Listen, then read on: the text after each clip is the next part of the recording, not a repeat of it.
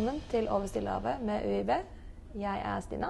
Og jeg heter Simon. Og i dag så er vi i selveste Kapteinens salong. Mm. Og det er ganske unikt. Det er kanskje et av de Jeg tror det er det fineste rommet på skipet. Ja, det, er, det er ganske herskapelig. Det er liksom eh, messing overalt, og polstrede møbler, og ikke minst stoler. Ja. Jeg har ikke sittet i en stol siden jeg var på Reiso.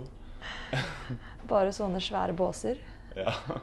Og det er bilder, og det er ting som ser ut som de kan knuse, til og med. Og her er det litt sånn ulovlig følelse av å gå, fordi at eh, vi studenter vi kan ikke være i kapteinens salong. Her er det crew only-område, men nå har vi da sneket oss inn i dag fordi vi skal snakke med kapteinen. Det blir gøy. Jeg føler meg som en liten unge som Ja, nå har vi gjort noe litt ulovlig. Ja. Eh, og nå er vi altså på strekningen fram til eh, Fiji fra Kokøyene, der vi ikke fikk eh, gå i land, dessverre. Buhu. Og nå er vi også da så heldige at vi har mye mellom rundt oss, fordi nå ligger både Tonga og Samoa ikke så langt unna. I motsetning til da vi seilte fra Chile til Tahiti. Da var det veldig øde. Vi seilte jo ganske nærme Punkt Nevo, som er det mest øde stedet i alle verdenshavene. Mm. Eh, mens her er det mer land, og det betyr at vi ser mye mer ting fra skipet.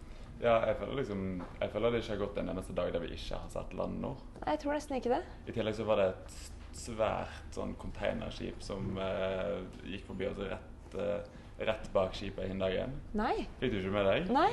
Det var skikkelig kult. Ah. Det var gigantisk. Ja, Det er det dumme med at det er så mye kule ting, at man, eh, man føler seg så dritt når man ikke får, får det med seg. Ja, jeg har f.eks. sett hval opptil flere ganger, men Jeg har ikke sett én eneste hval. Det har vært fem hvalspottinger den siste uken. Jeg har ikke fått med meg én eneste av dem. Og jeg blir så irritert. Man må rope når det er hval. Jeg har virkelig lyst til å føre en sånn policy at man må si ifra hvis man ser hval. Da må man komme løpende ned til Banjernet og si at nå er det hval. ja. Ja. Det er ganske fantastisk, Tina, skal jeg bare si. Ja, det er det jeg har på følelsen. ja, for, altså, spesielt den ene gangen så sto jeg helt fra på skipet, og da kom hvalen seriøst rett under bøyspydet, og Ah. du kunne se den i vannoverflaten. Herregud, hva slags hval var det? Eh, det vet jeg ikke. Okay. Jeg har ikke spurt uh, forskerne ennå. Generelt hval. Jeg har sett delfin, da. Teknisk sett hval. Men eh, jeg vil se en enda større en. Mhm. Det er Åh, jeg drømmer. Det er bare å drømme. Men vi har også sett vulkan. Det har vi. det var skikkelig spesielt. Ja. Jeg tror det, ja, det er første gangen jeg har sett en aktiv vulkan, tror jeg. Samme her. Det er ikke noe vi ser så ofte hjemme i Norge. Og jeg holdt på å gå glipp av det òg, fordi jeg lå tydeligvis og sov. Eller jeg lå og sov. Og så er det blitt fortalt i ettertid at jeg ble vekket av en venninne av meg som var på en annen vakt. For vi sov jo på helt ulike tider på dette skipet. Eh, og hadde spurt om jeg hadde lyst til å være med opp og se en aktiv vulkan som spruter ut lava. Og da hadde vi sagt at nei, jeg er trøtt, jeg skal sove. Og det er jo ikke et valg jeg står for i våken tilstand, men det har jeg tydeligvis sagt. Så, men jeg rakk heldigvis å se den da jeg våknet og skulle på vakt klokken halv fire om morgenen. Ja. ja, når jeg ble vekt eh, halv tolv, eh, så ble jeg hvisket i øret 'Det er en aktiv vulkan ute'. Og jeg hoppet ut av køyen og løp opp på dekk. Og eh, jeg ble møtt liksom av et syn det, det var jo på kvelden, sant. Så det var to litt sånne vage klumper som er de øynene vi selte rundt. Og så var det en sånn glødende oransje flekk midt på den ene. Og du så liksom Hvis du så nøye etter, så så du liksom det spydde ut litt. Ja, det er helt merkelig at man alltid Vulkan høres ut som et en slags litt sånn barnslig greie. Noe man tenker mye på når man er liten. Som en vulkan med lava. Så glemmer man litt av det i voksent liv, og så plutselig så seiler du bare forbi den. Det er som om det er ingenting. Ja, liksom. bare sånn ja, det er en vulkan. Ja. Vanlig prosedyre. Ja, og eh, kanskje veldig unikt for oss, kanskje mindre unikt for andre. Eh, F.eks. kapteinen, mm. som vi skal kaptein. snakke litt med nå.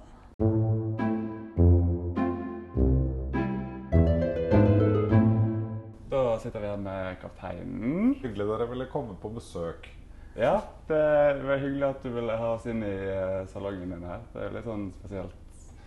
Li- Litt annet interiør her enn uh, ellers på skipet, kanskje. Det er jo strenge skilt med 'crew only' på disse Ja. områdene, så man føler seg jo litt uh, Så man gjør noe litt ulovlig når man går inn her. Ja, selv om man sånn. har fått tillatelse av uh, deg, da. Det er det mest et lite barn som Jan ikke helt kan. Hver gang vi møter et crewmedlem, så er det sånn Vi har fått lov, altså. Vi skal inn til kapteinen. Det er Ah, Ja, du er jo kaptein på det skipet. Har lyst til å fortelle liksom hvor, litt sånn, hvor lenge du har vært her, og hva du har drevet på med? om bord? Ja, det kan jeg godt gjøre. Um, jeg begynte å jobbe her i 2016. Da hadde jeg vært uh, kaptein i uh, fem-seks år på Christian Radich uh, først. Og så styrmann der før det. Så seilskute er det jeg har holdt på med siden 2005. Hvorfor seilbåt, da?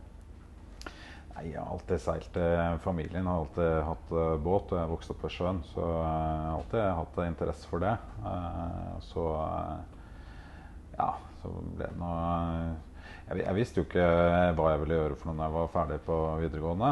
Så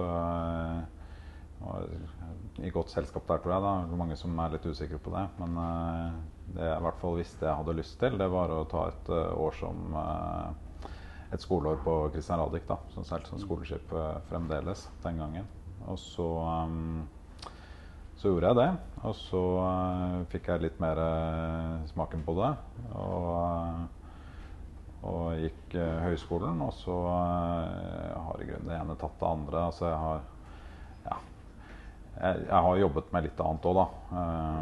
offshore i et par år. og jeg fant vel egentlig ganske fort ut bare at uh, det var dette som var uh, sjøen for meg, da, som ga, ga mening. Mm. Hvordan har det endret seg da, på de 20 årene? Nei, altså det er uh, Altså nå er vi jo på One Ocean Expedition. Det er jo et veldig innholdsrikt program, vil jeg si. Så det er ambisiøse greier disse skipene, også Statsråd Lemkull nå, da, har jo, eh, har jo i, i, perioder hatt uh, gode avtaler. Lemkull har det jo fortsatt med Sjøkrigsskolen. Kristian mm. Radikad med, med befalsskolen i mange år. Og så har man jo, når man uh, i tråd med at man man skal jo ha en inntjening her, sånn, så må man jo finne på noe nytt da, kanskje når, når ting endrer seg. Og så, hvis, du, hvis, man ikke ser det sånn over mange år, men bare ser ett år av gangen, da, så når jeg sier at det ikke, blir kjedelig, så er det litt fordi at, eh, fordi at driften gjennom et normalt år da, Nå er vi jo på lang, lang tur, og det er my mye det samme selv om vi nå i denne perioden har Universitetet i Bergen om bord, og andre perioder har, har andre om bord. Så, så, vil vi et normalt driftsår eh, være igjennom eh, en periode med større vedlikeholdsarbeider. Og så har vi Sjøkrigsskolen, og så har vi en periode med med folkehøyskoler om bord og kortere tokt i Nordsjøregionen. Eh, vi har en periode i Bergen med sånne kveldsturer på, på fjorden. Um, sommeren med Tall Race og festivaler. Og så har vi fått nederlandske sjøkrigsskolen inn også. Og så er vi i gang igjen med, med en høst- og et vinteropplag. Og det, den derre den der skiftingen der, den, den, gjør jo at man liksom aldri riktig rekker å bli lei av det ene da, før man er over i noe annet. Så det ser jeg på som veldig positivt. Ja.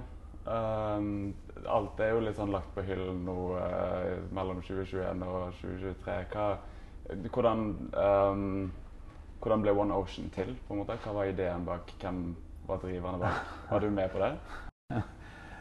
Ikke, jeg, jeg, klarer ikke å få ting til å skje her sånn, og det var ikke min idé heller. Men eh, Håkon, som er direktør i stiftelsen og, og prosjektleder for hele One Ocean Expedition, eh, var den avgjørende stemmen. Det, det, det, tror jeg ikke er å overdrive for mye, da. Men vi har jo alle sammen som holder på med dette, her, da, en, en, og sikkert mange andre òg, en, en, drøm om å seile jorda rundt. Mm. Så, så begynner jo gjerne der, da. Og så eh, så skal man kunne forsvare det. Og det er jo ikke helt, eh, jo ikke helt gratis heller. Så, så, selv om det sikkert høres fint ut å kunne seile jorda rundt bare for å, for å gjøre det, for eventyrets del, så, så det jo, gir det jo enda mer mening når man kan være del av, eh, del av en litt større sak. Da. Og I vår tid så er jo det, det altså de utfordringene vi, jorden står overfor med klima, klimaendringene, eh, kanskje det, det viktigste av alt. Da. Så, mm. Eller det er det viktigste av alt. Ja. Så, så, så, det å, eh, det å henge det på den eh, knaggen der, og så, og så prøve å kunne bidra eh, til den saken under, underveis, det, det, ble jo ganske tidlig viktig, da. Um, og så er det jo samarbeidspartnerne som har kommet inn, som har gjort det mulig. Uh, hvis ikke vi hadde hatt uh, Universitetet i Bergen og Havforskningsinstituttet Uh, UD er jo med etter hvert. ikke sant? Så eh, flere av de andre eh, institusjonene som, som driver med forskning på, på klima. Og, og selvfølgelig også aksepten fra våre eksisterende kunder gjennom mange år, som Sjøkrigsskolen. Eh, for, for, at vi skulle gå i gang med dette her, så, så hadde det ikke blitt noe av. Så det er jo et stort eh, samarbeid eh, alt, alt sammen. Er dette første gangen du seiler over Stillehavet? Det er det. Det er første gangen. Det er, det er veldig mange første for, for, min del også på denne jordomseilingen. Så det er klart det er kjempespennende. det. For Vi studenter imellom har jo både vært nervøse og spente. og jeg tror ikke helt alle har innsett hvor unikt det er å kunne seile over Stillehavet. Og du sier jo litt når du har vært kaptein og seiler i mange år, men ikke har gjort det selv. Ja, ja, ja men det er uh, havet, havet, er stort, hvis man, hvert fall hvis man ser på De henger jo sammen alle sammen nå, så man kan jo se det. det jeg syns jo navnet på, på, prosjektet, altså One Ocean, det er jo veldig, det er veldig flott og veldig beskrivende, egentlig. Fordi at uh, har jo, alle har jo liksom hørt om det å seile på de syv hav, ikke sant. Og, ja, det er jo greit det at man i noe internasjonal rett har bestemt at der går grensen mellom havene, og det havet heter det ene, og det havet heter det andre. Men uh, de henger sammen alle sammen, og det, det, man foretar seg i en del av verden, det påvirker jo det påvirker jo de som bor på, helt på den andre siden, og veldig mye pga. Uh, at, at vår planet er den er, en blå planet hvor, hvor, havene henger sammen. Og havstrømmene går jo hele veien rundt. De, de, de er ikke de, de, kjenner ingen grenser. Så, så eh, sånn sett så, så, er det jo eh, Sånn sett så er det jo spennende å kunne, kunne utforske litt mer av det kjempestore havet som denne planeten er. Fordi vi, det, det er svært, og, og, selv om jeg har jobbet mange år på sjøen, så, så er det stort, stort sett i, eh, i um, Atlanterhavsregionen at jeg har seilt. Da. Du bruker jo noen uker tross alt over Atlanteren også. Så. Er det noe spesielt ved de litt sånn ukjente havene du har seilt over, noe som liksom har slått deg som skikkelig rart eller interessant eller spennende? Altså, det er jo klart det er gøy også man, man, man, får jo en opplevelse av, eh, av um, kulturer og andre deler av verden bare, bare, når man er, reiser. Og det er jo ganske, ganske vanlig for vår, min generasjon og deres generasjon å, å reise. Man, eh, man, ser det jo kanskje fra en litt annen vinkel når man kommer inn med et skip. altså Man får et uh, annet forhold til, til avstanden. og sånn, Så kommer du inn til en havn, og så får, kommer du kanskje tettere på byråkrati og, og, sånne ting enn du gjør når du reiser som privatperson. Eh, så, så man, får, man, lærer jo kanskje mye om, om hvordan uh, ting er skrudd sammen bare på den måten. Hvordan har det vært å representere Norge i møte med resten av verden og, og representere skipet? ja, det, mm, det, er det jo også litt av i, i havnen vi kommer til. Men jeg, det jeg det jeg opplever, er jo at uh, ekspedisjonen får jo enormt mye positiv oppmerksomhet. Det er jo vanskelig da, å være uenig, uenig i formålet her. Vi blir veldig godt tatt mot. De menneskene jeg har møtt, har jo vist et uh, jeg, oppriktig, oppriktig interesse og engasjement for det. Så det er hyggelig å erfare og hyggelig, hyggelig å se. Man jo håpe at, man, at, det, at det kan, kan, skje noe også. At det kan, kan føre til noe. Mm.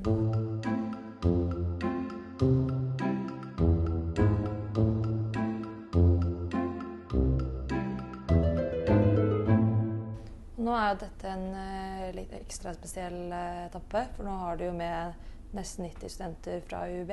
Uh, og vi har allerede seilt i over en måned når du kom med. Eller når du kom som kaptein igjen, da. Mm. Vi seilte jo med et annet crew, første delen, fra frem til Tahiti. Hvordan har det vært å ha oss som allerede har seilt litt, og som er studenter, og som kanskje har andre ønsker og behov av en tur enn de vanlige medseilerne har, og kadettene? Det jeg vil si det har vært uh, bare positivt. fordi at uh, vanligvis på starten av et uh, tokt så, så, bruker vi jo ganske mye tid til å, å, lære folk de helt grunnleggende tingene. Og, og det legger jo noen føringer på hva vi kan få til sånn uh, seilingsmessig. Um, nå hadde jo dere vært om bord i fem uker allerede, i hvert fall. Uh, så så uh, de, den jobben var jo gjort.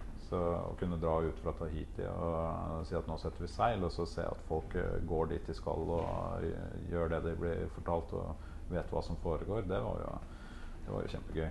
Så eh, det som også var gøy, for, for det, det, er jo ikke første gangen jeg opplever det. det sånn er det jo med, med Sjøkrigsskolen om bord også, som, som, også er om bord i, i, lengre tid. Men, men eh, det var gøy å se at det faktisk fungerer på akkurat samme måten med, med en litt annen sammensetning av, av mennesker. Så, akademikere. ja, akademikere. Så det Nei, men det, det, det er veldig bra. Hvordan opplever du undervisningen vi har om bord? Vi har jo to timer undervisning hver dag, i tillegg til at vi studerer litt på si. Hvordan, og det blir ofte opp på dekk mens det dras i tau jo det ene og det andre. Og det påvirker jo også hverdagen vår på skipet. Ja.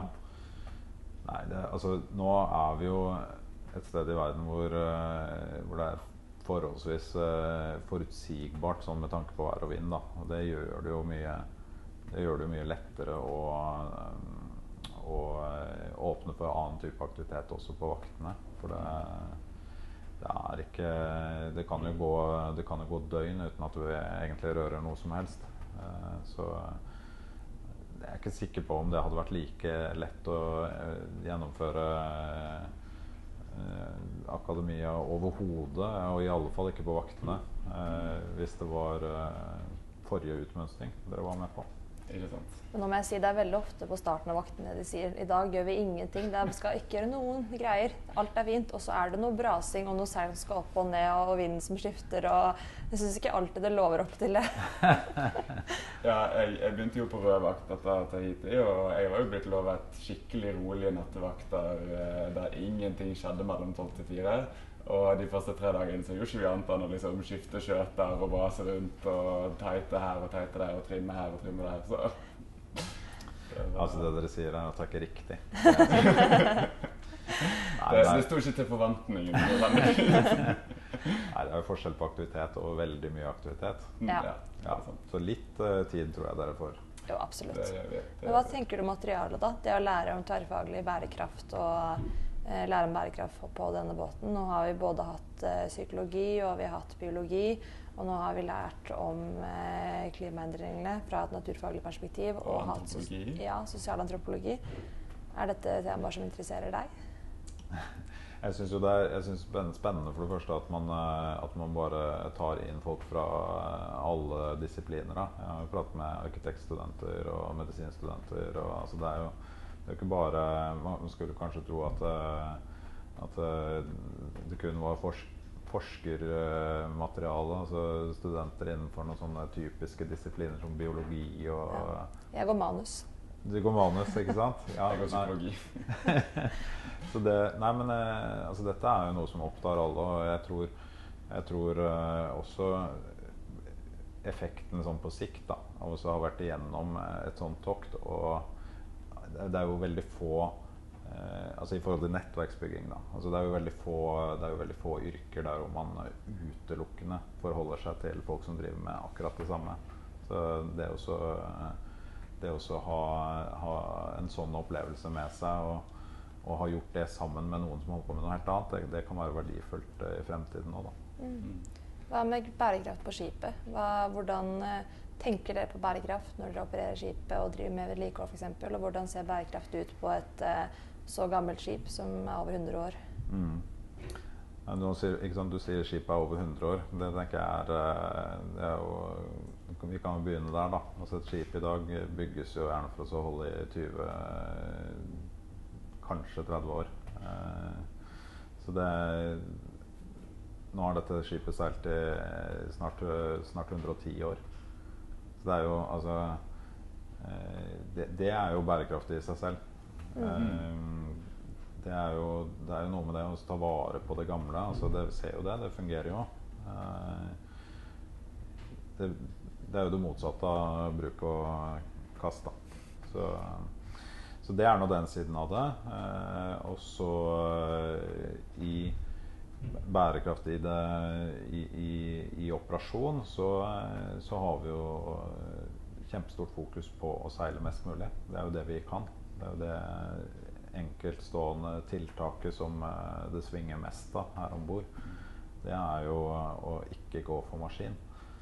Så eh, gjør vi selvfølgelig en masse annet om bord også, i form av søppelsortering, prøve å eh, holde strømforbruket nede. Eh, begynner å tenke på altså vi, vi, har det oppe som faste punkt på alle, alle møtene vi har om bord. Så, så, er bærekraft et eget uh, tema. Uh, vi, hvor vi da prøver å plukke opp uh, de forslagene som kommer til mindre tiltak også. ikke sant? Su Suvenirer som vi selger. hva er de laget av?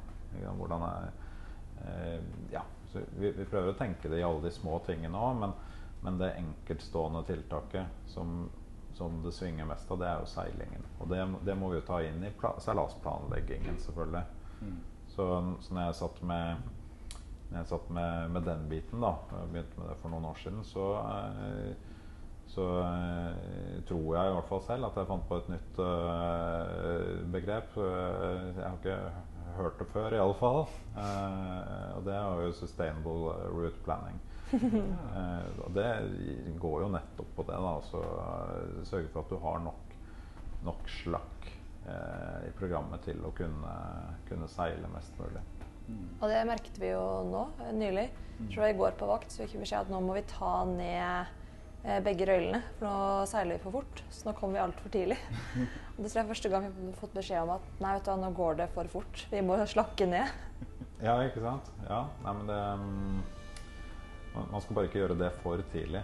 Så for, for da, da, da, er det bedre faktisk å komme frem, komme, ja, komme frem litt tidlig. For det hender jo om man tar feil. da. Og så det var det vi tenkte vi i øyeblikket, og så forsvinner vinden, og så må man plutselig starte opp igjen. Det er bedre også å være godt uh, på forkant. Tusen takk for at uh, du kom og snakket med oss. Det var skikkelig fint. Ja, det var hyggelig. Takk.